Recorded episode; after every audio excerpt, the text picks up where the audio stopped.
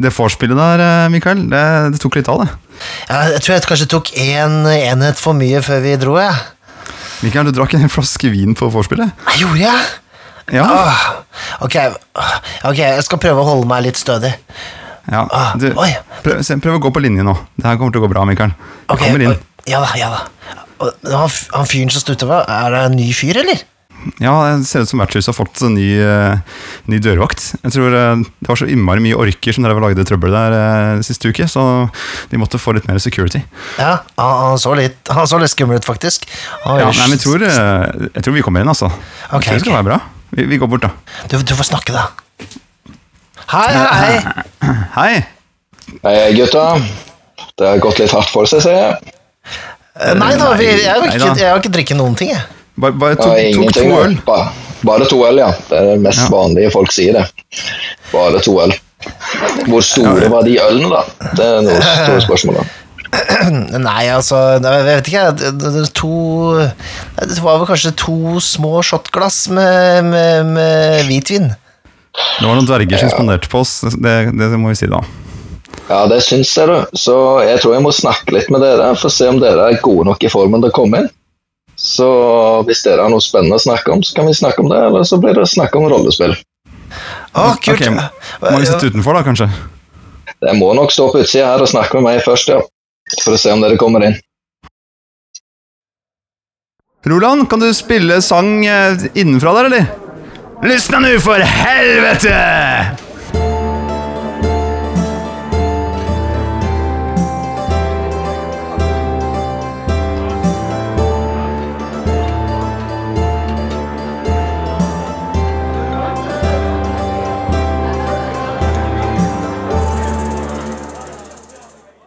Ja, Mikael, da, vi, får, eh, ha, vi får sitte utenfor vertshuset da, denne dagen. Men hvem er det, hva slags fyr har du møtt på her, da? Ja, jeg er det sure, gretne trollet som er kjent som uh, Kåre Berg. Det Å, jeg er jo ikke så gretten, da. Krangle, kranglefant, iallfall. Ja, Nesten ja, ja. profesjonell. Ja. Ja, da skjønner jeg hvorfor du har blitt ansatt som utkaster her på vertshuset. Ja, jeg, jeg er kjent for å legge dørterskelen ganske høy. Det er, ikke, ikke med vilje, men dessverre for jeg ikke tenker om at ikke alle har samme interessene som meg når det gjelder rollespillteori og sånn.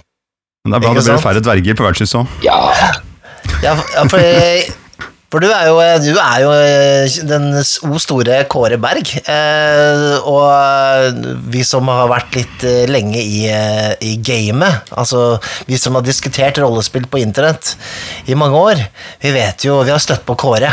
Eh, og kanskje noen av oss har fått skoldende kritikk for vår eh, designvalg når vi har skapt eh, spill. Um, eh, men vi har også, vi har også en veldig en, en, møtt på en person som er full av person.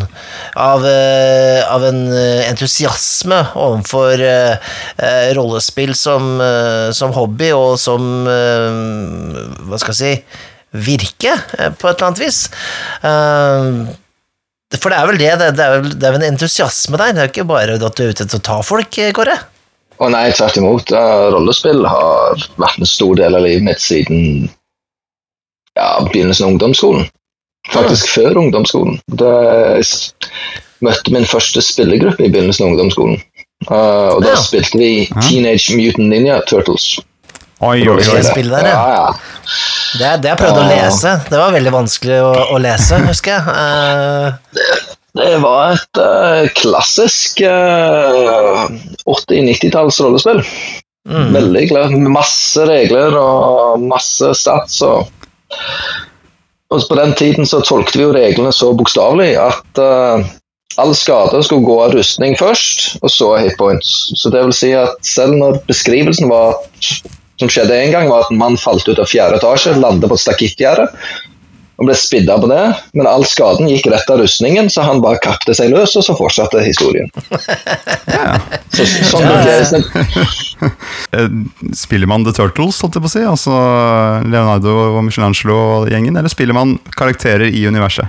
Du, du, i, I originalboken så får du med stats på dem, men du lager en egen karakter. der, så De har egne regler for hvordan lage mutantdyr, hvordan du ble mutert. Ja. Så Så først lager man dyret, og så velger man ferdigheter. og, og Det er ganske lenge siden jeg har lest det, men jeg har de samlingen min ennå bare for nostalgien sin skyld. Ja, noen sånne må man ha i hylla. Ja, Man kan ikke bare ha det indie. Nei, ikke sant? Så, så var det ditt aller første spill, altså? Den Teenage Mutant Ninja Turtles? Det var det første jeg spilte, men ikke det første jeg kjøpte. Uh, Nei, okay. Det første jeg kjøpte, det var ja, Traveler 2300.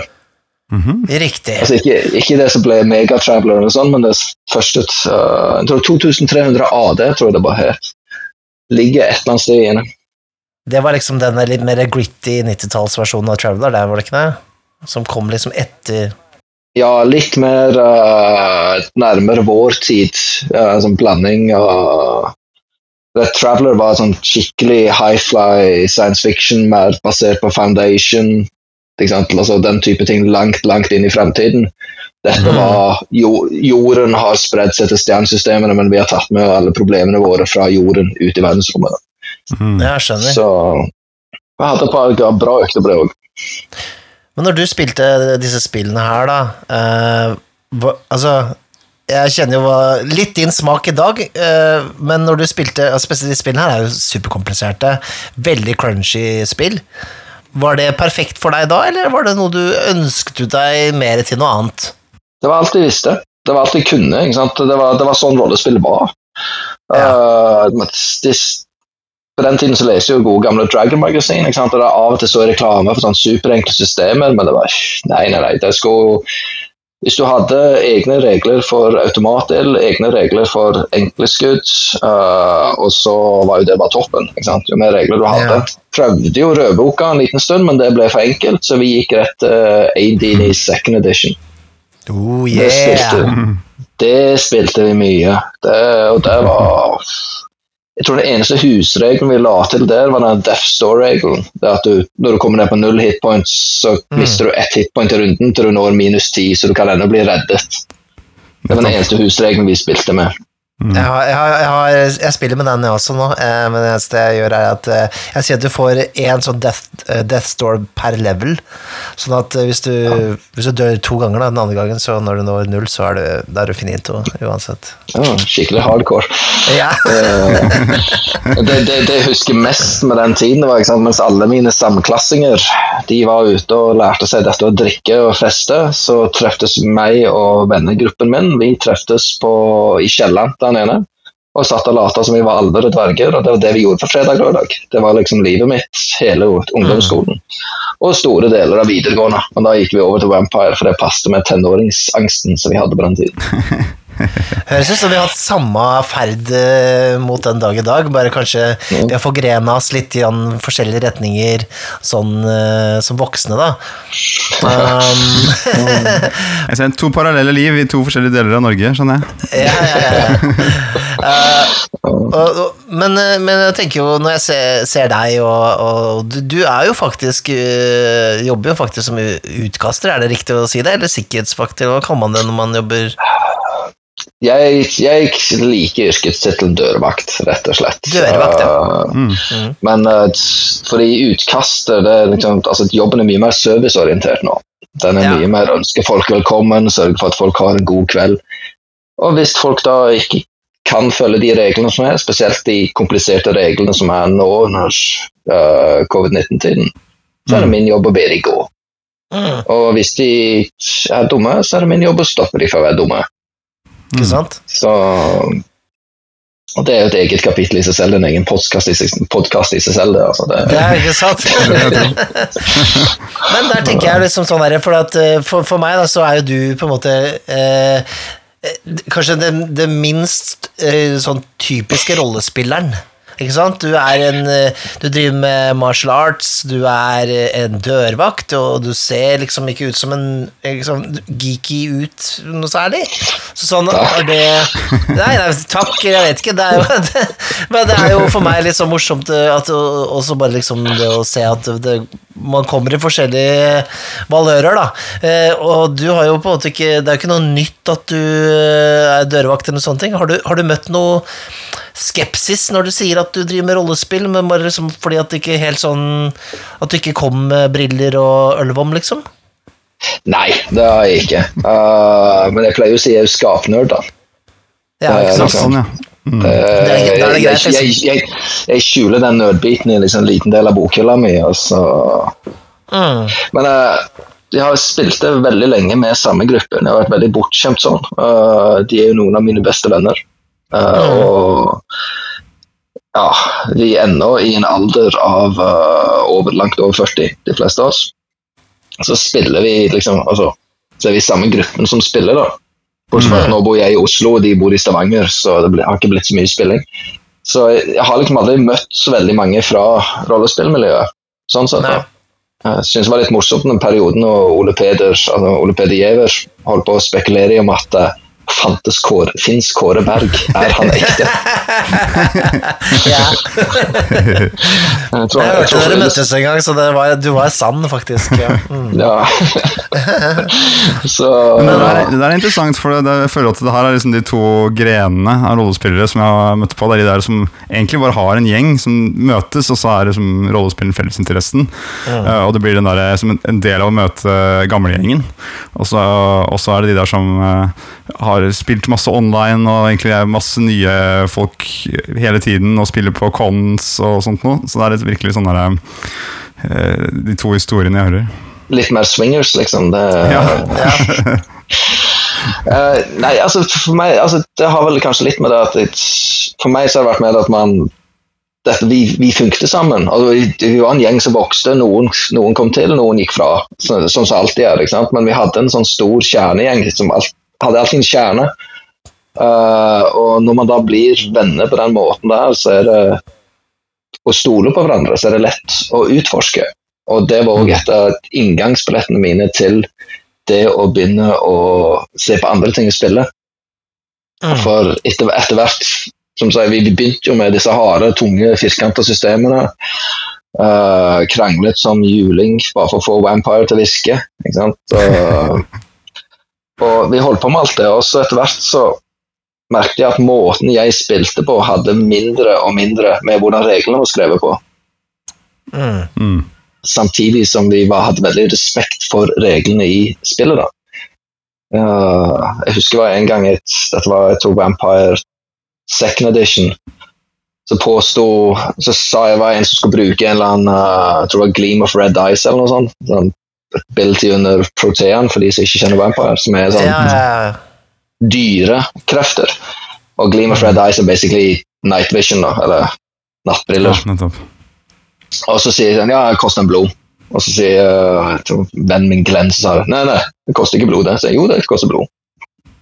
Ja, det står i boken. Så sitter selvfølgelig da, så blar jo han opp og finner fram denne abilityen og leser den og sier ja, det står her at det ikke koster noe blod. Da tok jeg bare boken og så skrev jeg i margen koster en blod. Bank, ferdig. Problemet løst. Din første hack. Min første hack. Ja. uh, og, men så var det en av de som fant uh, Riddle of Steel. Mm. uh, som er en fantastisk god idé, utrolig dårlig gjennomført. Det er det jeg også har hørt, ja. Eh, jeg vil si at hvis du da ikke har tatt den, den umaken og ta alle disse milliardene forskjellige måter å bruke sverd på, som er, det, som er kjernen i det spillet, skrevet de ned på små notatark, sånn at man kan dra de fram etter hvert som man trenger de, eller har studert sverdkamp og studert disse reglene, som er mer komplisert enn Rollmaster, vil jeg si, Mm. så ikke spillet spillbart. Enkelt og greit. Nei, ikke sant. Du ender opp med å trelle en sånn 15-20 D10 hver runde. Og, ja. og hvis du har misforstått én liten uh, synergi, eller noe sånt, så er det der, bang, så er du død. Karakteren er ferdig. Game over. ja, Det er kanskje like greit, tenker jeg da. Ja, faktisk. Det spillet var nesten før den store indie-bølgen på tidlig 2000. Jeg mener jeg husker den. Eller var det sånn cirka samtidig? Det, det, var, det kom samtidig. Det var det spillet som fikk meg til å søke opp The Forge. Ja, ja, ja. Hva, hva er The Forge for de uh, som ikke vet hva The Forge er? The Forge var et forum startet av en mann som heter Ron Edwards. som for noen av oss ble sett på som den, the, great, uh, the great wizard, eller den store frelseren, for andre den store satan. Mm. Uh, men Ron Edwards bygde et, en community hvor de begynte å diskutere forskjellige rollespill. Uh, og forskjellige måter å spille rollespill på. Det var et av stedene hvor de virkelig begynte å snakke og formalisere dette å ha spillederløse spill. Mm. For eksempel, det, det kom derfra. Uh, Mm. Og etter hvert så bygde de et teoretisk rammeverk, uh, en teori som ble kalt GNS-teorien. Som sto for Gamist, Narrativistic, Simulationist. Som er veldig typisk amerikanere å lage veldig vanskelige ord for veldig enkle ting. Uh, og de fronta jo denne som den ene, den ene store sannhet, og det er jo Min erfaring er rollespillere er veldig individualister. Ikke tråkk på min moro. Og når du kommer og sier at dette er den eneste måten som forklarer hvordan rollespill virker, så er det mange som rent instinktivt protesterer mot det. Oh, yes. Og, Mm. og det var ikke en perfekt teori, og den var ikke ferdig. Men uh, vi som var veldig glad i den, var, ja, tok kanskje og frontet den som om den var perfekt. Dette skulle forklare alt. Og som da ledet meg til rollespill.nett og de hine hårde dager der, hvor jeg lærte andre måter å spille rollespill. Ikke sant? Rollespill.net er altså de gamle, gamle forumene til, eh, som kom før rollespill.info og sånt? Er det det? Ja, Ja. stemmer det. Mm.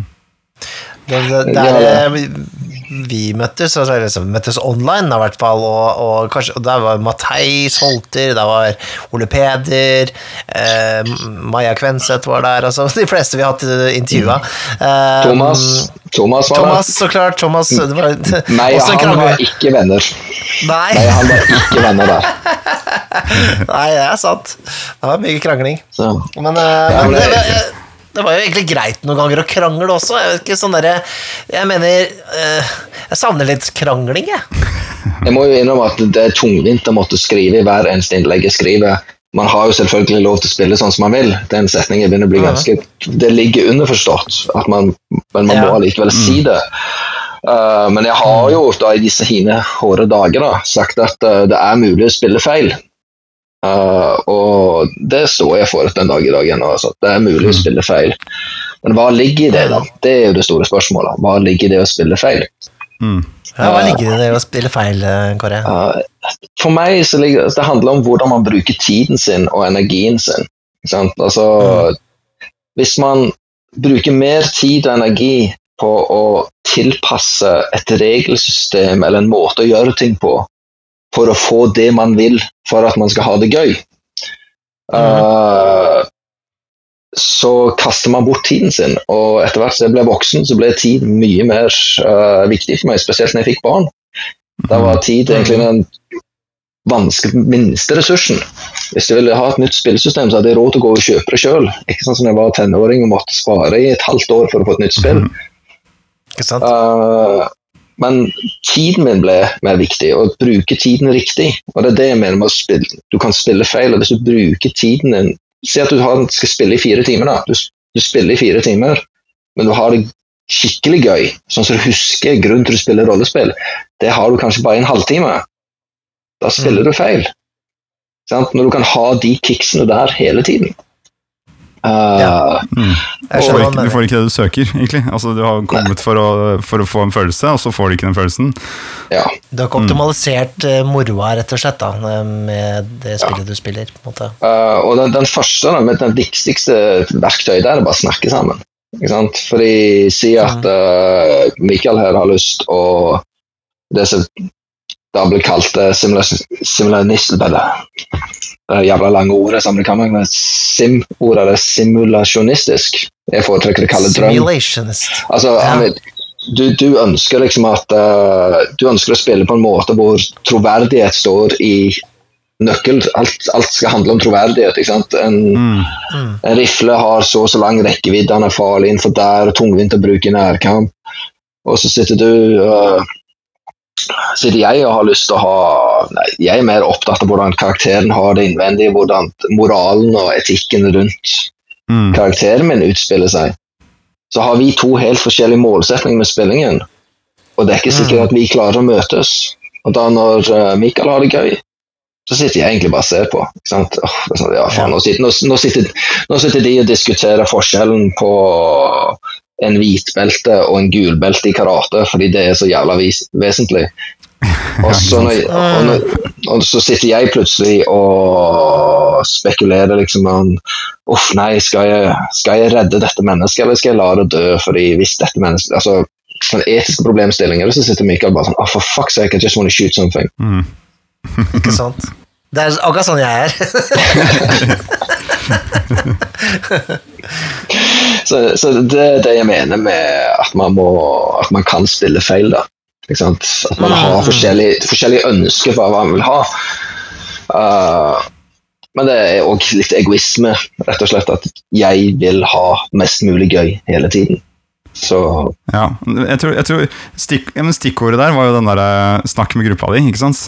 Fordi det er jo eh, Hvis det sitter eh, en gjeng med folk som driver med konkurranseskyting eh, og skal spille rollespill, og de bare elsker rifler, hagler, alle mulige håndvåpen, colts, you name it, så er det kjempeinteressant for dem å sitte og liksom bare Nei, nei, jeg kan ikke komme her med en pumpehagle og tro du kan skyte opp eh, den døra, liksom. Da må du ha ikke sant, noe annet. Ja, ja. Og så, så, da er du the odd one out, da, plutselig.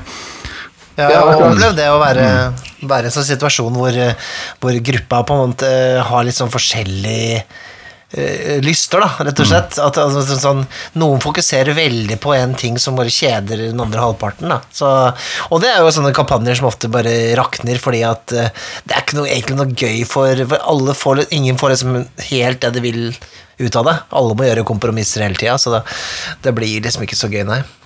For meg så var det den store tingen som jeg begynte med å ta ut av The Forge. Snakk med gruppa di. Finn ut hva dere Ja. vil. Uh, og så tok jeg jo det til uh, vår kjære gamle storstue. uh, og Steinar, jeg kanskje du skal snakke litt med gruppa di? Og det ble jo en kontrovers, bare det. Husker du hvorfor det var kontroversielt? Sikkert fordi jeg ordla meg veldig tungvint, men Jeg begynte kanskje med at du spiller feil. Det kan godt være jeg begynte der. Du skal ikke se bort Det ifra kan det. være det. Ikke sant? Ja, det var kanskje fordi akkurat en av de gangene uh, Jeg refererte nettopp det i en diskusjon på rollespill.info. Uh, men uh, jeg hadde en diskusjon hvor jeg, jeg la fram noe som jeg så som en problemstilling, som var at spillerne mine ville jo ikke gjøre sånn som jeg hadde tenkt. Og så ble, fikk jeg passet mitt påskrevet annet en som heter Ralph Massa, som var en av de store guruene der. Og, men han gjorde det jo da på en høflig og grei måte, men da begynte jeg å skjønne at å ja, faen. Dette er jo, Hvis jeg skal fortelle en historie, så er, gjør det jo de andre spillerne sitt, inns, sine innspill uvesentlige. Så lenge jeg skal trumfe gjennom min historie. Uh, og kanskje de ikke har det like gøy fordi jeg ikke lytter eller snakker med dem. Og sånn begynte den tanken å gå. Og så, Da skulle jeg frelse rollespill.net. Ja. uh, og som alle nye misjonærer så tordnet jeg inn og dreit i alt som var kulturelle normer og alt sånt som det der. Og endte opp i et par heftige diskusjoner. Ikke, ikke så heftig som den gangen jeg tok med den store hjerneskadediskusjonen over til uh, rollespill.net. Ja, men, vi skal ikke diskutere det, men jeg kan jo bare til referanse fortelle litt om at eh, Ron Edwards, denne skaperen av, eh, av eh, The Forge, han hevdet i et, eller annet innlegg, da, det var heller en artikkel han skrev, om at de som spilte Vampire og World Darkness-spill, pluss antageligvis også Dungeons and Dragons, de led av hjerneskade, fordi de hadde bare lært seg på en måte å, å spille feil, eller, eller rett og slett tro de har det gøy. Um, og det var basically det, da. Og det, det ble jo Jeg vet ikke, det var ikke, var ikke bare trøbbel på rollespill.net, det var jo hele internett var i fyr og flamme. Ja, altså du kan si uh, det som var altså det, han, det, han, det var en diskusjon mellom han og en annen, hvor han sa at uh, noe strukturene i uh, Vampire kunne, hvis de traff feil type spillere, så kunne det fortelle de altså Basically er de ute av stand til å gjenkjenne en god historie. Uh, og han mente det med hjerneskade. Han basically det, det omprogrammerte hjernen deres. Men dette var en samtale mellom to stykker, en liten bit av en stor samtale hvor de diskuterte noe om dette. Og så kom det noen inn og sa 'Oh my God, han sa hjerneskade!' Og så Ja, ikke sant. Ja, ikke sant. Så det ble kanskje blåst litt ut av proporsjoner? Og den diskusjonen drepte The Forge. Det var grunnen Ja, det gjorde kanskje det. Ja. Yes. Uh, etterpå det så kom det noe som heter The, The Diaspora, kalte de det. Altså de folk, for det var folk som ikke ville ha noe med Ron Edwards å gjøre mer etter det. For de ble så støtt av det han sa. Og da startet bl.a. Story Games, som uh, jeg lærte enda mer av enn jeg lærte på The Forge. Ja, for det var altså en sånn Det var et nytt ja, forum. forum ja. ja. Ja, men poenget, bak, poenget jeg hører bak utsagnet her, er jo interessant å diskutere uansett. Det derre at, et, at man kan bli innbarka i et system som gjør at man ikke klarer å, å spille det sånn som man vil spille det. For det opplever jeg selv. At jo mer jeg lærte meg eh, eh, det og det 5E-reglene, desto flinkere ble jeg til å spille det. Men mindre flink til å finne på morsomme ting under kamp, f.eks. For fordi jeg vet at jeg har en action, en bonus-action og en movement. Så da må jeg bruke de hver gang, istedenfor å tenke at jeg gjør et eller annet Jeg hopper opp der og river ned en uh, bjelke, ikke sant? fordi det er det jeg hadde lyst til å gjøre. Men uh, jeg må heller tenke på liksom disse, ja, dun, dun, dun, disse trinnene, ikke sant? Ja, det, det, jeg, jeg synes det er en veldig, veldig spennende tanke. Det var også hvorfor jeg skrev denne artikkelen om hva er fiksjonsdrevet handling. Og Det er jo nettopp det, det som er forskjellen på den type måte å spille på og fiksjonsdrevet handling, er jo at i fiksjonsdrevet sånn, hva gjør du? Jo, jeg hopper opp og griper fatt i den bjelken, og så svinger vi opp på den for å få et sted hvor jeg kan sitte og skyte pil og bue. Ok, én ting en gang, men du svinger deg på bjelken, det er det du skal gjøre. Mm. Sånn, ok, så triller vi for å se hva det er, og så ser vi hva som skjer ut ifra, for nå sitter du på den bjelken. ok, Hva skjer videre derfra? ikke sant? Altså Så går rullehistorien på den istedenfor at man ser på ja, men du kan bevege, kun bevege deg fem fot, uh, og den bjelken den er ti fot vekk fra deg, så du man, ja. Det stopper opp. Ja, du, må, du, må, du deler, deler det opp i, og så, og så bryter man det kanskje ned i sånn derre eh, Hva skal jeg si eh, Realisme, da. Eh, med, med at man Ja, først må du hoppe, og så kan du kaste for det, og så må du liksom Ja. opp dit, og Ja, ja det, det, det, det kan fort ta bort moroa, da. Um, egentlig. ja, og så bryter du, bryter du ned handlingen i uh, kunstige små blokker. Eh, er vel egentlig, så at du, du bryter det veldig opp istedenfor at du får en litt mer organisk flyt. Uh, som er et sånt nye buzzordet mitt, og organisk flyt. Jeg har visst brukt det veldig mye i det siste. Ja, jeg er visst veldig glad i det. Men, eh, men denne, denne, denne måten å spille på, sånn uh, narrative spill um, hva, Vi må kanskje nevne noen spill da, som, som bruker dette her. Eh, jeg vet om Apocalypse World, var vel kanskje en av de store hitene. Ja, men Apocalypse World er bare en arvtaker. Eh, det største og det første var Sorcerer, skrevet av Ron Edwards. da. Å, er det det, ja? Ja, ja. Det, det er, når det er snakk om narrativ, så det er derfor det ordet jeg synes det ordet det er derfor jeg synes det ordet er så fantastisk dårlig. Fordi uh, Mm. Narrativisme, som beskrevet i den teorien, er mer tematisk. Det er ikke, det er ikke historiefortelling som er et narrativ. Det er en tematisk utforsking. Uh, si at du, sånn så hvis du tar den gode, gamle, store stygge ulven, Vampire, så første utgaven så var en av catchphrasene I am a monster, lest I become a monster. Altså, jeg Mm. gjør onde ting, jeg drikker blod av andre mennesker, fordi hvis jeg ikke drikker blod av andre mennesker, så blir jeg ja, så blir jeg verre. skjønner du? Da gjør jeg verre ting til jeg mister kontroll. Det er tematikken i Vampire.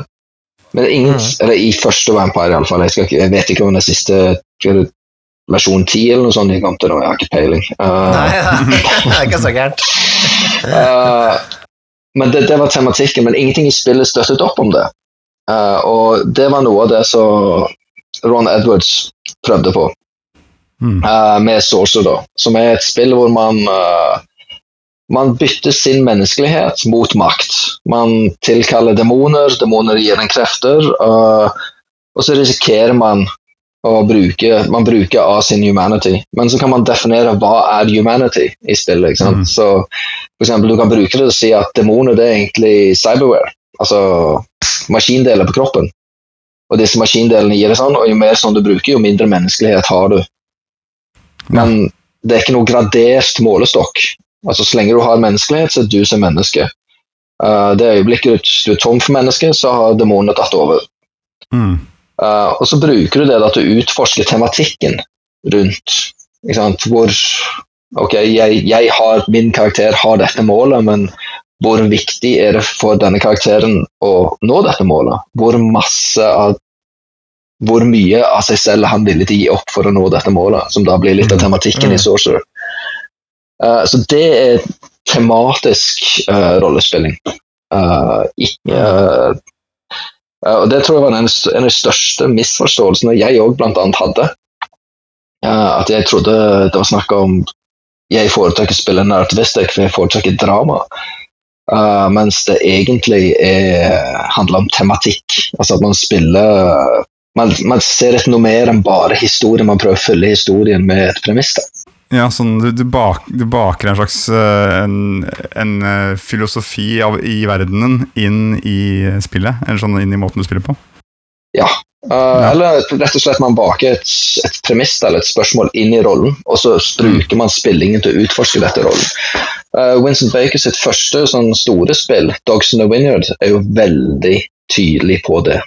det er, hvis du vil ha et eksempel på noe av det beste sånn, tematiske spillet som finnes, så er det Dogs in the Vineyard. Mm. Uh, jeg mener det, det er bedre enn Apocalypse World òg. Uh, Ja, det er veldig fokusert, da. Det er veldig fokusert på akkurat det det gjør. Det har blitt nevnt noen eh, ganger tidligere på podkasten her. Eh, Ja, det har det. det er, ja. Man spiller mormonere i Ville Vesten, rett og man, slett. man spiller uh, uh, flokkens hyrder. Uh, hunde, eller, grunnen til det heter Dogs the Vineyards, er at man skal liksom være uh, the sheepdogs. Altså, man skal passe på de trofaste. Og hver by man kommer til, så er det begått en synd, og så må man nøste opp i det.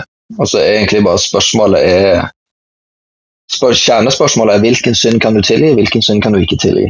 Sant? Mm. Vil, du kutte, vil du kutte hånden for å helbrede kroppen? Mm. Det, Utmåle straff. Ja, altså man er en dommer, eh, og så får man et etisk problemstilling, og så må man deale med den problemstillingen. Det blir med uh, terningsmekanismen som er i det spillet der, så blir det voldsomt intenst når man får det til.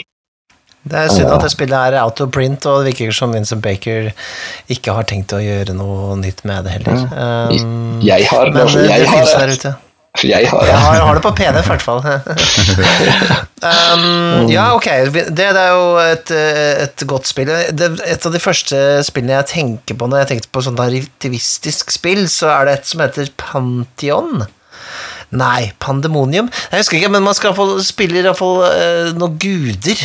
Eh, Det kommer sånn bitte liten sånn blekke, eh, og da slåss man Eller man, man, man uh, Ikke slåss, da, men man, man vedder på en måte terninger eller et eller sånt for å få fortelle. Og det er for meg en av de første spillene hvor Ja, jeg liksom ja, følte at, jeg- ja, Jeg, jeg husker jeg, husker jeg vet hvilket spill du mener. Du vet hvilket jeg mener? det tror jeg faktisk var han Ralf Massa som lagde, hvis jeg ikke tar feil. Eh, Jeg kan godt være jeg tar feil. Jeg tar, jeg tar veldig ofte feil, selv om jeg aldri innrømmer at jeg tar feil. Ja, sånn er vi alle. Det var i hvert fall mitt første møte med et sånn type spill, og det var jo da i, i, med Matheis og sånn, hvor han hadde begynt å få dilla på de greiene der. Um, det var vel på en Holden-con, tenker jeg. Ja, uh, Matheis Ole Jeg klasja jo ganske mye med Matheis og Ole Peder òg, da, fordi uh, de var jo De tilhørte jo den gruppen som jeg kalte hippiene. uh, de var mer opptatt av eh, de hadde, de hadde veld, Spesielt Matheis hadde veldig god kunnskap til GNS. Uh, Mm. Men de var De søkte andre innflytelser, og de mente at GNS ikke passet inn til den norske måten å spille rollespill på. Yeah. Uh, og det vil jeg si meg helt enig i nå. Akkurat der og da var jeg ikke enig, for da var jo GNS den, eh, den formen som passet alt, og den eneste sanne vei. Men uh, jeg har jo da blitt påvirket litt av disse gutta, så jeg har blitt mye rundere i kantene. Uh, jeg var veldig firkanta da jeg kom. Uh, blant annet begynte å se på dette med friform. Uh, disse, det var disse finnene drev med dette Turku-manifestet, eller var det jeepform, var det det het. Det var en sånn, sven, ja, en sånn svensk måte å spille rollespill på som var veldig friform. Uh, og begynte Ja. å se på liksom, hvordan kan dette passe inn. Uh, og hvordan dette med immersjon, da, det å leve seg inn i rollen, komplett inn i rollen, liksom på en måte være i en alternativ mindset, en fantasiverden, det var veldig viktig, fordi det passer ikke inn i det er, ikke, det er ikke tatt inn i GNS, fordi de som skrev GNS, trodde ikke på det var en valid måte å spille rollespill på. Ja, for det, det tenkte jeg på, for jeg er sånn, når jeg ser meg sjøl på den skalaen, sånn gamist, narrativist og simulationist, så er jeg egentlig ingen av de tingene, føler jeg. Jeg er en immersionist.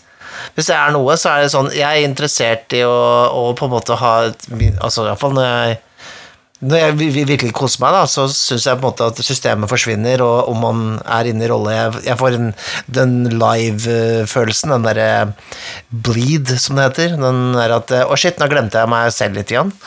Eh, da føler jeg de beste spillingene er på glid, da. Men det er, ikke, det er vel ikke sånn at du føler at eh, Du, du oppnår jo ikke den følelsen gjennom en hel session, eh, Mikael? Det? Nei, nei, Altså, det kommer for, for, det er jo, for det er drypp, er ikke det? Så føler jeg jo at det kanskje uh, Ole Peder kanskje eh, nå vet ikke jeg, da, men jeg ser for meg at han liksom, kanskje prøver å oppnå en lengre periode med det? Nå har jeg faktisk aldri hatt gleden av å spille med Peder, så jeg kan ikke uttale meg hva som skjer eh, rundt, Bonis. Jeg har bare spilt bitte litt med, med Matheis. Uh, da prøvde vi et spill som jeg holdt på å lage, som var totalt mislykket. Eh, men eh, eh, et, det, jeg er jo veldig mer enig, eller tilbøyelig til å være enig med deg. Altså, når jeg lager spill nå, så er det for å forenkle prosessen, sånn at man er fokusert på å være i historien der og da. Uh, og Det er derfor jeg spillene mine blir mindre og mindre regler i de, eller de reglene som er igjen da, organiske. Uh, de, og det er fordi jeg, jeg opplever selv at når spillets regler kommer inn og kommer i veien, så blir, blir man nappet ut av denne magien som er rollespill. Ja. Uh, så, og det, for meg så har det vært en, gans, det er en veldig stor forandring fra hva jeg var i de hine hårde dager rundt uh, 2003, 2004, 2005. Når disse kranglene virkelig foregikk. Fordi da var jo regler alt. Uh, det er blant annet et av problemene jeg har med Blades in the Dark. Selv om jeg liker Blades in the Dark veldig godt, så føler jeg at det blir for mye struktur. Uh, uh, så det Men det er, det er mer en smaksgreie. Uh, Vi, var jo, vi har jo spilt eh, Blades and Dark eh, her med Mikael Tysvær og Mikael Esperum og Stine og, ja, og Nikolai, da.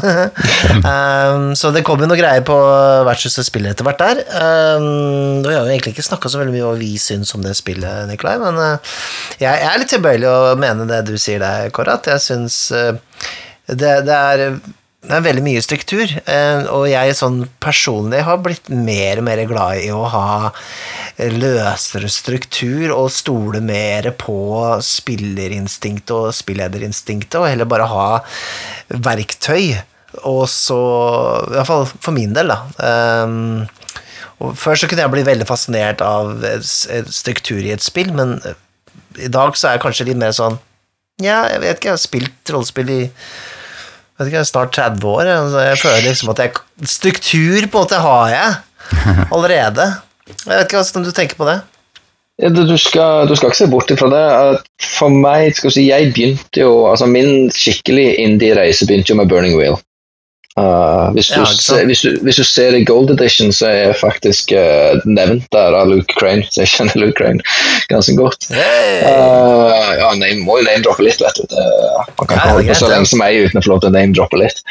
Og og han, en av tingene som han plukket opp fra The Forge, han begynte, det var veldig tradisjonelt. Første utgaven av Burning Wheel er veldig tradisjonelt. Uh, andre utgaven så merker du at han har tilbrakt tid på The Forge. At han har vært med i diskusjoner der og lært mye. Uh, men han introduserte uh, i andre utgaven en sånn diskusjonsduell. En måte å lage dueller i diskusjoner på, da. Som tilsvarende kampsystemet, var at man da man argumenterte fram og tilbake. Eh, og tanken var jo det at eh, spillere som kanskje ikke er like sosialt fleksible eller sosialt ekstroverte, sånn som meg, mm. skal òg liksom kunne få lov til å ha spille en politiker. Og vinne de store debattene. ikke sant? Og at terningene og skillsene var jo investert i karakteren som avgjør om du vinner debatten, ikke om du klarer å overbevise en spilleder. Nei, skjønner. Uh, som, som jeg syns er egentlig en veldig, veldig god idé. og jeg synes Spesielt med min tanke rundt teori og dette med uh, fortellermakt og sånn. Og så syns jeg det, det kan funke. Men problemet var at det ble for mye struktur. Istedenfor at man har en debatt, istedenfor man har en, ja, nei, Du må skrive ned hva du har tenkt å si. Liksom, sånn. du må, ja, 'Nå skal jeg ha et counterpoint', og nå skal jeg ha og så, Mm. og så triller man terninger, og så sier man hva man skal si. Og så skal den andre trille terninger for å se hvordan han reagerte på det du sa. Mm. Og så ender man opp med å trille terninger istedenfor å spille rollespill. Mm. Ja, ja. Ja. Burning Wheel er, eh, det er sånn der eh, Jeg har litt Jeg har aldri spilt Burning Wheel, men jeg har prøvd å lese det flere ganger. Og jeg har kommet liksom fra jeg, Hver gang så blir jeg sånn kjempefascinert og, og glad i jeg syns det virker som et bra system, og så kommer jeg til punkt inn i boka, sånn ca. Sånn 30 sider inn, hvor jeg bare sånn Nei, det er, det er, nå er det for mye. Nå er det, det er for mange gode ideer. Jeg klarer ikke mer. Hjernen min har ikke plass til alt det her. Men, eh, men du, eh, Kåre, apropos det her eh, Fordi vi prøver jo alle å oppnå disse gode rollespilløyeblikkene. Eh, Kan ikke du liksom, hvis du klarer å beskrive hva, hva er det som rammer rundt de, gode, de beste rollespilløyeblikkene du har hatt? Ja, altså jeg er jo primært spilleder. Eh, det er veldig sjelden jeg er spiller. Eh, så for meg så det, det er når jeg ser hvordan alle rundt bordet lener seg fram, følger med, selv om det kanskje ikke er de som er i fokus. at du uh, Hvis det ser liksom, ja, Si at Michael er, liksom, han skal bryte seg inn et sted, så sitter alle og følger med og håper at dette skal gå bra. Mm. Eh, det er når uh, liksom, alle stønner fordi en terning kommer opp dårlig istedenfor bra. Mm. Eh, når folk er i til stede i historien og bare har plukka opp hele viben at alle dette er bare dritkult. Du har ikke lyst til at det skal slutte fordi dette er bare så jævlig gøy. Mm. Uh, når du får fram sorgreaksjoner når uh, biroller dør, eller en spiller reiser seg og begynner å gå fram og tilbake i rommet for han må ta en beslutning, og den stresser han sånn at han klarer ikke å sitte i ro og ta den beslutningen, da, da har du de gode spillopplevelsene. Da, Ja. Det er liksom når, når du går forbi bare og sitter og ser på tall og ja, skal jeg ta et fem, skal jeg ta et femfotsskritt til høyre eller et femfotsskritt til venstre? Skal jeg ta mitt ene attack og mitt half attack? Mm. Mm. Når man er liksom bare sånn åh, Ja, alt blåser vekk, da. Eh, da er det liksom sånn, Spesielt jeg som liker å spille grøssespill, så er det sånn når du ser at folk er redde, Ja. da, Yeah. da har du de gode, gode opplevelsene. Sånn engasjement skapes rundt bordet. Rett og slett. Når, når eh, folk, eh, du klarer å påvirke hele gjengen, eller alle er investert. Ja. Det er et lite sidespor, da, Kåre. For, at, eh, for akkurat det du sa der, det er en ting som jeg har vært litt sånn Det har It has ruffled my feathers litt i det siste, fordi at i Ja, det står skrevet i den nye Rainloft-boka til, til Dungeons and Dragons at du ikke skal skremme spillerne, du skal skremme rollene. Tull. Hva syns, hva syns du om det? Tull. ja. Tull. ja, okay, ok. Ja. Jo, jo, jo, men altså det, eh, det er en sånn kun, altså, igjen, en, en rolle er ikke En spiller er ikke en rolle, og en rolle er ikke en spiller. Men det er samme som, det samme som sier at ja, du skal ikke se, når du skal se en grøssefilm, så skal du ikke bli skremt. Fordi det er karakterene på filmen som skal bli redde, ikke du som sitter og ser på. Hele poenget med å se en grøsser er at man skal ha, kjenne på frykt på en trygg måte. At vi vet at nå skal vi sitte, og dette blir skummelt, og dette blir en og en halv til to timer med faenskap. Og så huh, nå var det over. Nå er verden god og trygg igjen.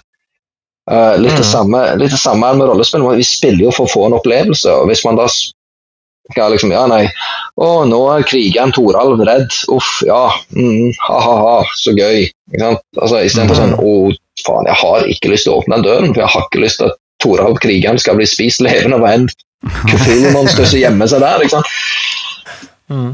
Da har man en helt annen vibe. Så det var det lange svaret. Det korte svaret er tull. Ikke sant? Ja, ja, jeg bare det, det, jeg, Ja, det er en av de tingene som virkelig har provosert meg. Hvor, hvor jeg blir den gamle mannen som hytter med neven og sier liksom! Ikke sant? Jeg skjønner det henger egentlig sammen. Alt var bedre før, ja.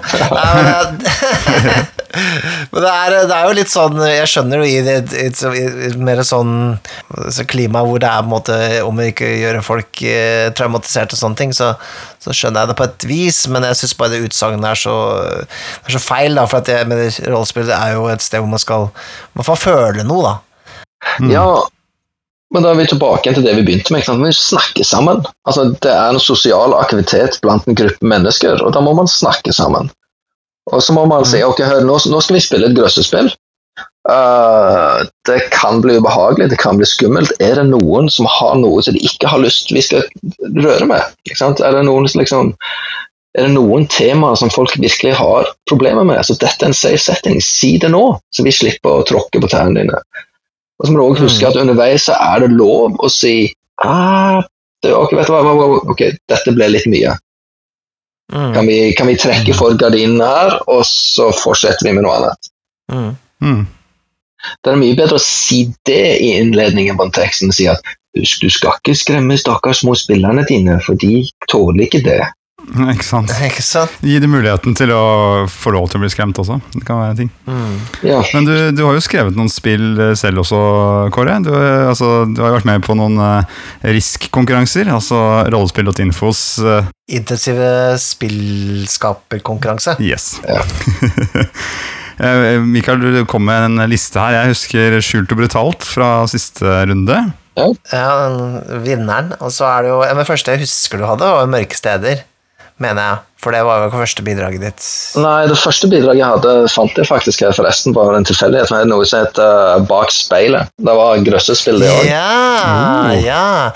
Så jeg trodde det var bakspeilet, men det var bakspeilet. Uh, Matheis sa det best. Man, man ser at du har blitt inspirert av å henge mye på The Forge, for det er veldig mange ideer fra The Forge her. Ja, ja, ja. Det var- Var det, var det, det, det, du leverte det for seint, gjorde du ikke det? Jeg mener, husker det var greia. At den, du rakk ikke å levere det spillet i tide. Ja, fordi jeg har en tendens til å bli altfor ambisiøs. Ja, det, det er sant. Sånn at jeg, det er kun en, en gang jeg tror jeg klarte å levere en en- eller tosiders rollespill. Ellers er det liksom sånn 40 sider, jeg skriver en hel uke. bare «Åh, skrive, å, jeg må på jobb, nei, jeg må skrive. Ikke sant? Og så, ja. Jeg, liker at jeg har vært litt delaktig i det der, i hvert fall. Ehm, så har vi jo Mørke steder, og det vet jeg at du driver og skriver litt på en litt sånn ny versjon av, ikke sant? ja, jeg basically bygger en helt ny versjon av det. Ja.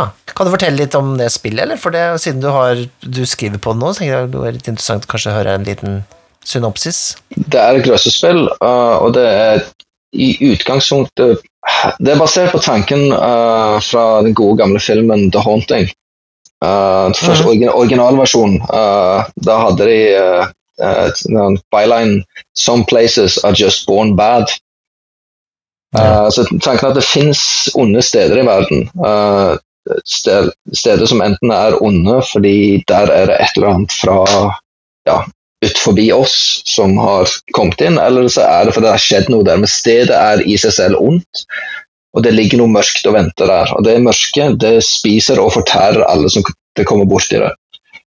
Uh, og så blir rollene dratt inn i dette, uh, og blir sugd dypere og dypere inn i dette. Og må prøve å enten finne en måte å komme seg løs på, eller å ja, om ikke fordrive, så iallfall klare å stoppe det mørke stedet fra å spise de det. Uh, og så underveis så, så er det jo et grøssespill. Man må jo finne ut, liksom, man må drive med etterforsking. Uh, stedet kan strekke seg ut og begynne å angripe dem. Så det er mye den klassiske grøssestrukturen. Mm. Uh, så, men det som er kicken, er at for å overleve så kan man ofre deler av seg selv til det mørke stedet. Uh, man kan uh, bl.a. Uh, ting som betyr noe for man, Altså, alle rollene har et sett med minner. Eh, disse, du kan ofre disse minnene. Eh, det er ikke sånn at du har et hull i minnet ditt, da, men det minnet betyr ingenting for deg. Så eksempel, første gangen du holdt ditt, uh, holdt ditt barn, plutselig så betyr det ingenting for deg lenger, det minnet. Så det er veldig Det mørke stedet kan fort bli inni deg, da. Mm. Ja, ok, så det er litt sånn metaforisk hele Ja, navnet i seg selv. ja det, men, det, men hovedsaken så heter det mørke stedet fordi stedene er Altså, det er et mørkt sted med det som venter i det mørke stedet som ligger og skjuler på det, eller venter på det. da. Er det et spill du har eh, spilt eh, en del Har du testa det en del med gruppa og sånn, eller? Jeg har testa det noen ganger med gruppen min, og det funker overraskende, overraskende bra. Mm. Kult. Eh, Jeg bruker veldig mye den samme terningmekanikken som Eller tanken til uh, Det er jo fiksjonsdrevet handlingmønster i det. Jeg bruker samme som i Apocalypse World med 2D6 pluss uh, minus, og så får man 1 til 6, så gikk det til helvete. Får man 7 til 9, så gikk det sånn noenlunde greit. Og 10 eller mer, så gikk det sånn som man ville. Mm. Eh, det er òg bevisst fordi for mye terningtrilling, for mye bruk av sånne ting, bryter stemningen. Og et grøsspill er veldig avhengig av stemningen. Ja. Så, Mm. og, så det jeg holder på å jobbe med akkurat nå, er det hvordan lage et enkelt sett med en enkel oppskrift som en spilleder kan følge for å lage et mørkt sted. Uh, Mm. Og det, det har vært en utfordring. Mm. Uh, Det skjønner jeg. Mm. Det er akkurat som eh, når man prøver å lage et system for å lage et mysterie. Det har jeg også tenkt litt på. Det er bare sånn Å, det Ja, er hvilke elementer skal være med? Plukk fra denne listen. Ja. Og det er jo basically det man gjør. For man lager jo et mysterium. ikke sant? Det mørke stedet er jo et mysterium. Mye av grøss er jo basert på det at man ikke vet. Så, det, så har jeg det kapitlet der. Det har jeg vel skrevet to utkast på nå. Og så har jeg et lite kapittel om biroller, og så bare en sånn generell uh, Hei, bruk dette sånn del igjen. Så er egentlig det spillet klart, uh, holdt på å si. Og, og Mm. deles ut til de store massene som uh, prøvespiller. Står og venter. Ja. ja, Det er spennende. da. Litt ting, eh, litt ting på, å ha på radaren her, skjønner jeg. Ja, så Mm. Det er jo et spill til som jeg har spilt, i hvert fall, som, eh, som også du er kjent for, Det er jo Harde menn.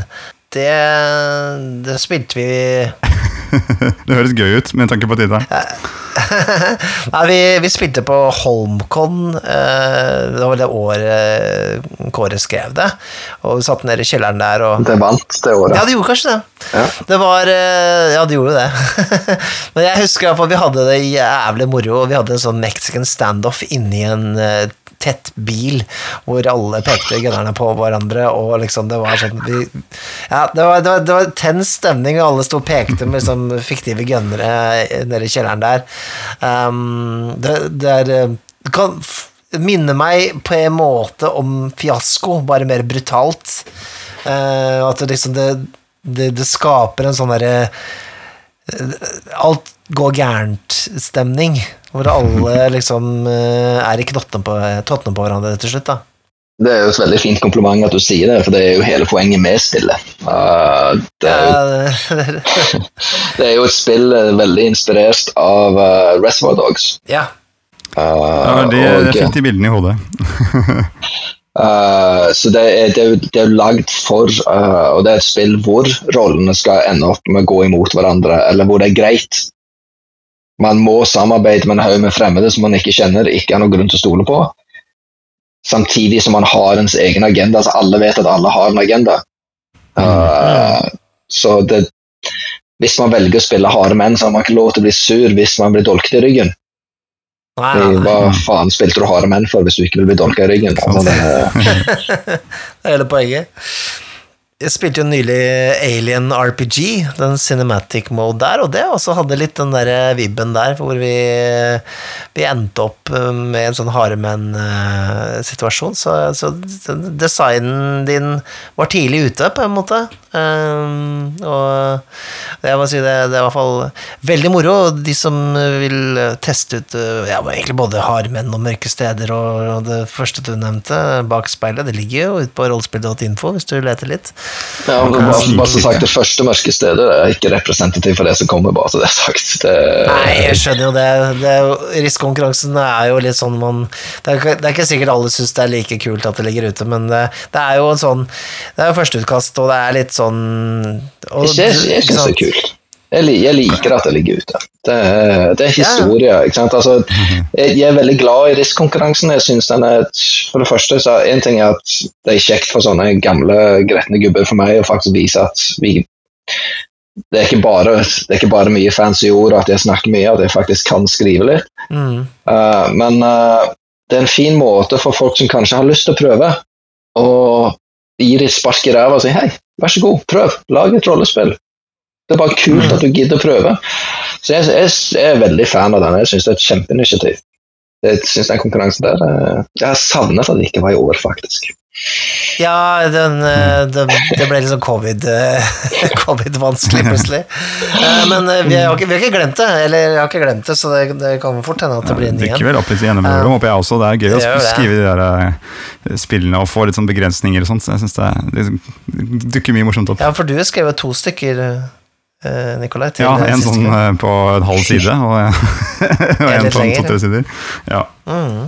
Jeg skal bare si, jeg gjør alltid den samme tabben. For første så er jeg altfor overambisiøs når jeg begynner å skrive. Mm. Uh, og ender opp med å skrive altfor lange spill på altfor kort tid. Uh, og samme når da konkurransen er over, så har jo jeg lyst å faktisk gi alle en konstruktiv tilbakemelding. Mm. Men da skal jeg plutselig ta igjen all den tiden som jeg har brukt på å Ja. skrive det rollespillet. Og så ender jeg opp med å kanskje gi ett eller to ærlige og detaljerte tilbakemeldinger, og så på en måte sklir resten vekk. og det, Ja, det, det har jeg alltid dårlig samvittighet for. Ikke sant.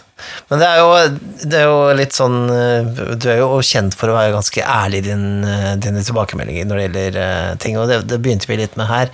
Um, og jeg vet jo at noen ganger har du tråkket folk litt igjen på tærne og sånn, men, men jeg hva, Din kritikk og sånn, hva, hva tenker du om det? Er det er det best å bare få det fra Kåre? Få, få liksom få det servert, eller eh, skulle du ønske du var litt mer eh, sensitiv noen ganger? Nei. Uh, fordi alt er ment for å gjøre den som skrev rollespillet, til en bedre rollespillforfatter. Altså det, det er ment Mm. godt. Jeg, jeg kritiserer ikke for å hakke på. Uh, jeg prøver å finne positive ting, men av og til så blir jeg kanskje litt sånn Oh my fucking god, må vi snakke om det igjen? Og så er jeg kanskje ikke så rund i kanten som jeg burde være. Uh, det er, jeg prøver å være bevisst på det, spesielt folk som deltar for første gang. Uh, Men uh, det er litt sånn hvis jeg bruker tid og energi på å sette meg ned og lese og skrive spillet ditt, så gir det heller en ærlig tilbakemelding enn å prøve å si 'Å, dette var så bra, flink du var'. Ja, ikke sant. ja. Altså, ja. Fordi jeg syns det er dritfett at du har skrevet. Det ligger implisitt i det at jeg bruker tid og energi på å prøve å støtte deg og få deg til å bli bedre. Mm. Så, men det er et fritt land, og ta det hvordan det er. Det er jo fullt lov å blokke meg hvis du ikke liker hva jeg skriver om spillet ditt. Så Du kan få tilbakemelding fra Kåre Berg, men det koster én blod.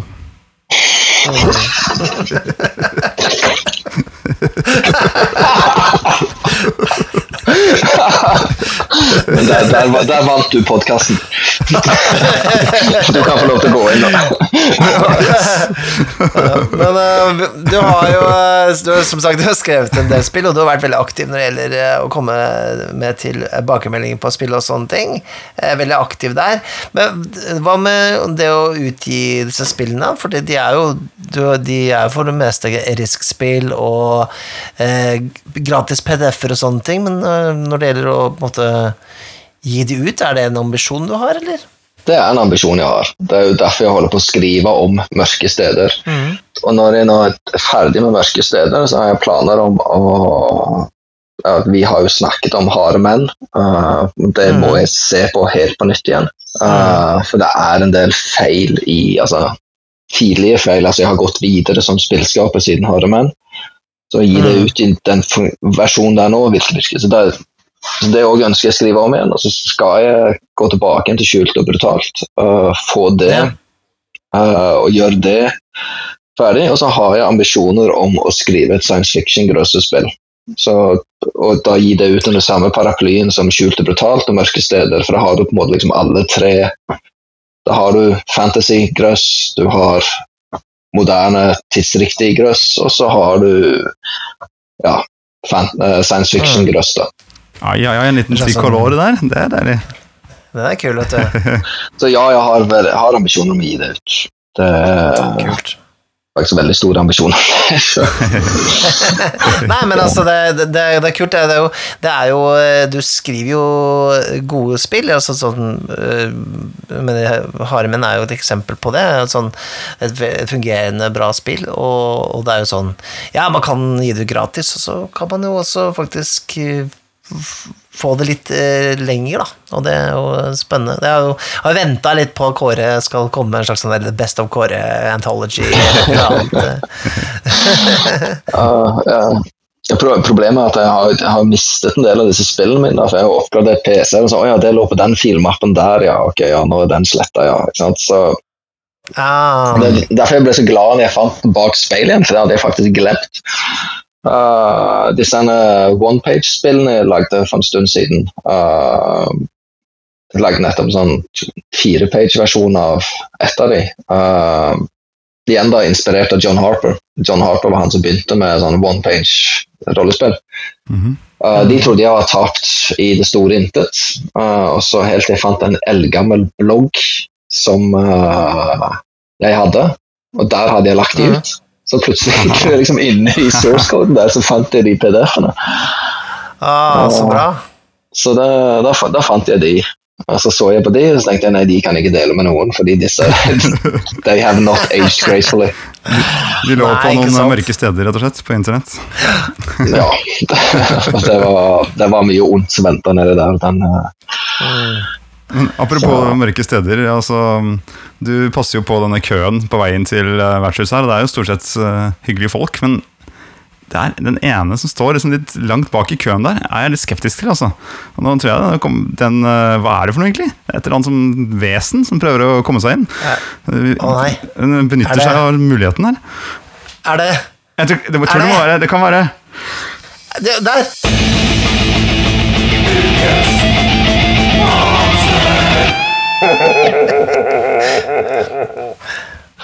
Nå vet jeg ikke om du har plukka ut noen monstre. Hvor har du jeg, har, jeg har prøvd å tenke litt på det, men jeg har faktisk ikke sånn uh, Jeg kom litt brått på. Uh, Ja, de gjør det. De gjør det, de bryter seg gjennom veggen. De, står de De gjør det. Sverd i alle fire hender. uh, jeg vil tro vel egentlig det som er mitt favorittmonster, det må jo være spøkelse.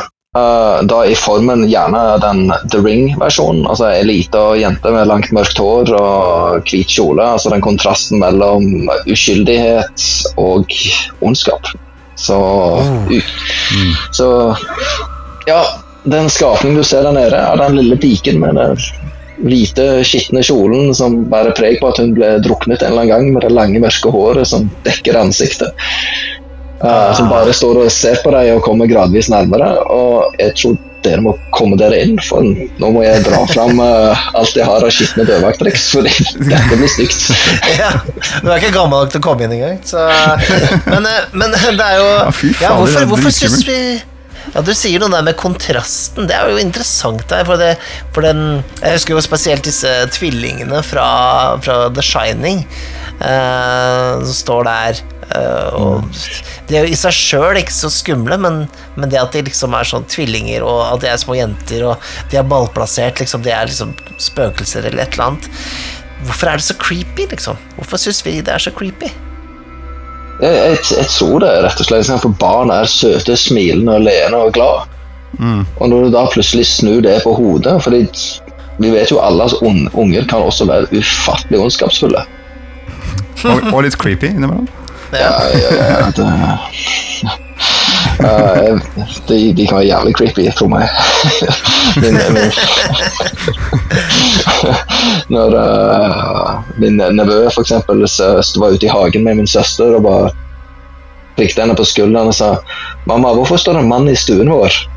Og hun snur seg, og det er ingen. Det er sånne ting. Å, det er ikke bra. Eh, Nei, Uh, så har, du, har du brukt, eh, har du brukt uh, den, hva skal jeg si, tropen i rollespill en gang, eller? Sånn en, hele jævla tida. Gjør det, ja? ja. Ja, jeg tror Mitt favorittmonster sånn sett, det var jo ikke direkte et spøkelse, da, men dette var i, dag i en, i en Vampire-kampanje.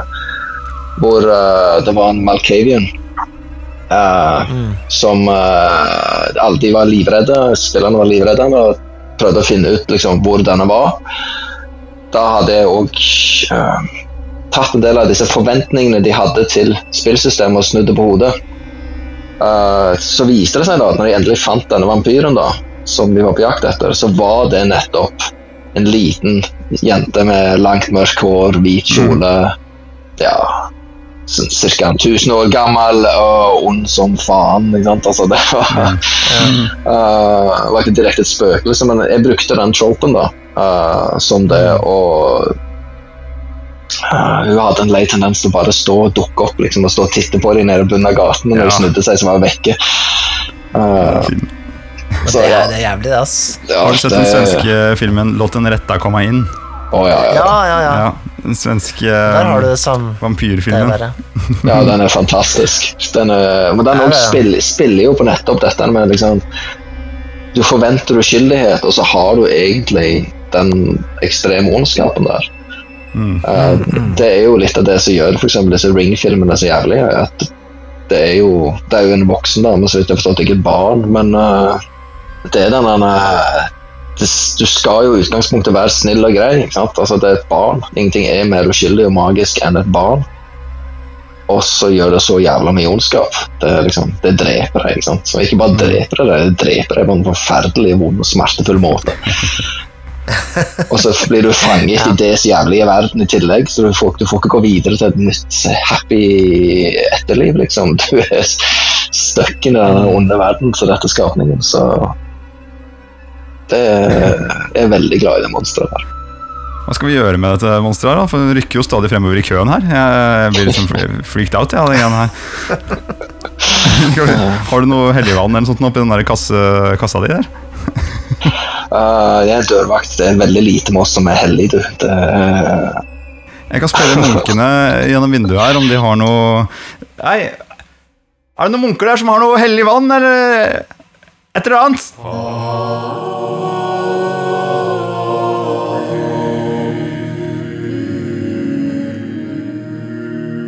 nei, men det er, sprit hjelper. Ja, Nå får vi delt Nå kommer de her nå deler de ut uh, Her er en krukke med hellig vann, og så har jeg fått en eh, papyrusrull her i hånda. Den kan jo du få, Mikael. Skal jeg ta og helle Jeg får ta helle litt hellig vann på disse, her- den her eh, vesle, vesle jenta. Ja, jeg gjør det. Oi. ja, du, eh, apropos papyrus, så har vi en eh, utrolig kort papyrus eh, fra Carlotto Christoffersen, eh, han som har laga Kvad. Eh, jeg vet det, det er spørsmål som er sikkert Kåre, Kåre har noen meninger om. Eh, Det er, det er fra rollespill.info Facebook-gruppa, og han spør Er rollespill kunst.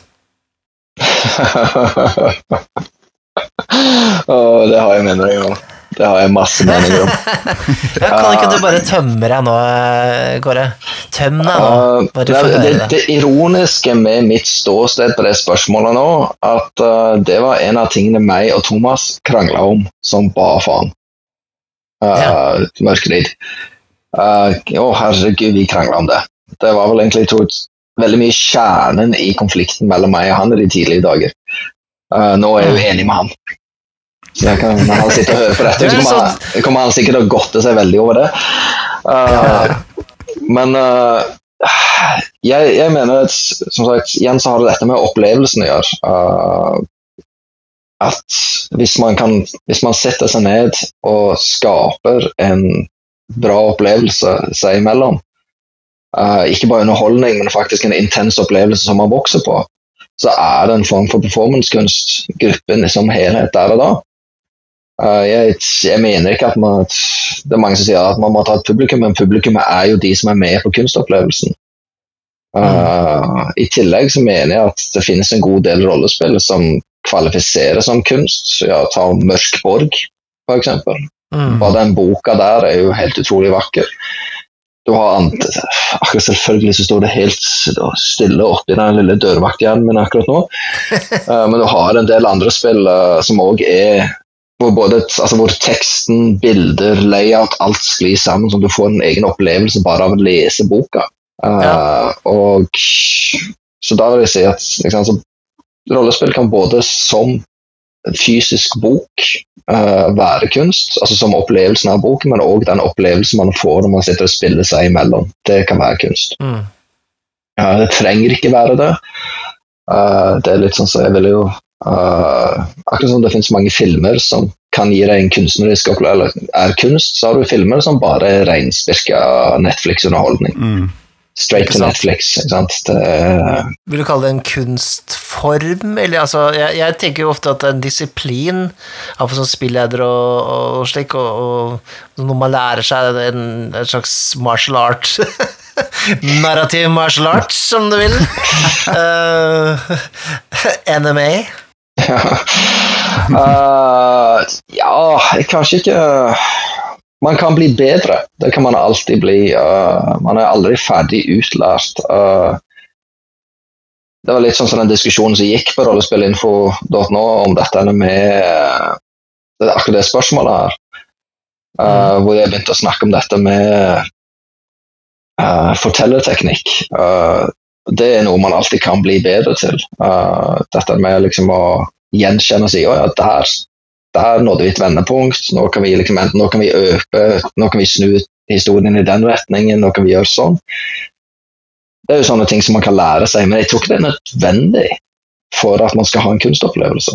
Nei, nei. Mm. Uh, jeg tror en haug med kids som plukker opp sitt første rollespill og setter ned i dag, og bare uten å ha vært innom rollespill.info og blitt ødelagt av alle oss gamle folk som har meninger, uh, kan ende opp med å fortelle uh, ha en fantastisk opplevelse der og da.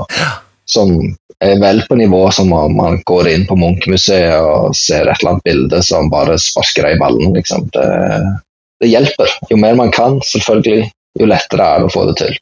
Mm. Så alt handler, jeg føler jo, jeg er på en måte enig i det der, det handler jo mye om definisjonen av kunst. Og det er jo veldig veldig mange som har veldig mange forskjellige definisjoner av det. Så, men med en gang man legger eh, skape en opplevelse på bordet, eller skape følelser for eksempel, på bordet, så er det jo ingen tvil, tenker jeg da. da hvis man sammen skaper følelser, eh, eh, på en måte, og en fellesfølelse til og med, for noe som ikke fins, eller for en, for en fiksjon, så tenker jeg man kan kalle det kunst. Og definitivt er det ikke alltid det. Ja, nei, nei, nei. og jeg, jeg, selv om jeg har en veldig kjekk gruppe å spille med, så må jeg jo våge meg påstå at mesteparten av gangene jeg har spilt, så har det nok ikke vært kunst. nei, nei, jeg ser det. Samme her. Men man kan ha det jævlig gøy med ting som ikke er kunst. Ja, ja, ja. Altså, man trenger jo ikke gå og spise gourmetmat hver dag. Av og til så er det godt med McDonald's. Ja. Mm. Jeg som Dark Dark Throne sa, noen må lage kneip òg. Men uh, vet du hva, Kåre, det ser jo litt sånn skummel ut, og ryktet ditt er jo noe som på en måte skaper en viss forventning, men eh, jommen er du jo en eh, gromkar som ikke er noe skummel i det hele tatt. masse fine meninger. Da må du ikke Så- ødelegge ryktet mitt, da. Får vi lov til å komme inn på vertshuset nå, eller? Ja, dere skal få lov til å komme inn på vertshuset, for det, nå må jeg stikke til det virkelige vertshuset. Så dere får kose, dere får kose dere i dette vertshuset, så skal jeg gå og deale med et litt mer slemmere. Er det flere vertshus der ute? Jeg går bare hit, jeg. Ja, ja. her, er det bare, ja men her er det bare koselig og flotte folk, og, så jeg ville holdt meg her, ja. Så skal jeg gå og deale med de som ikke syns rollespill er morsomt. Å nei, å nei. Ja, jeg vil bare si tusen takk for at du eh, ble med, Kåre. Det var kjempeinteressant å høre mer om deg og ditt virke og dine meninger. Um, og vi møtes vel der ute på internett og diskuterer videre om eh, rollespill. Det, det ser jeg frem til. Um. Og veldig mye lykke til på det andre vertshuset. Uh, og da håper jeg at du også, Kåre, kan gjøre som eh, alle som lytter på denne podkasten, og invitere en venn til vertshuset vi er på nå. Ja, men det skal vi få til. Jeg har et såpass stort ego at selvfølgelig vil jeg at flest mulig skal høre min stemme. Så Og lytte til mine meninger, så selvfølgelig så kommer jo det til å deles. Det du kan gjøre når du skal på det, jobbe på det andre vertshuset, kan du fortelle hver og en av dem i køen at de skal lytte til eh, vertshuset eh, på Spotify eller Apple Podcasts eller Google Podcasts eh, og andre steder. Hvilken del av det er at jeg er skapnerd? Hva er det du eh, Det er bra. Ja, men da skal vi, da skal vi la deg eh, slippe, Kåre. Det var veldig veldig hyggelig. Det var veldig hyggelig å være her. Så, var det, så takk for at dere vil snakke med meg. Takk i like måte.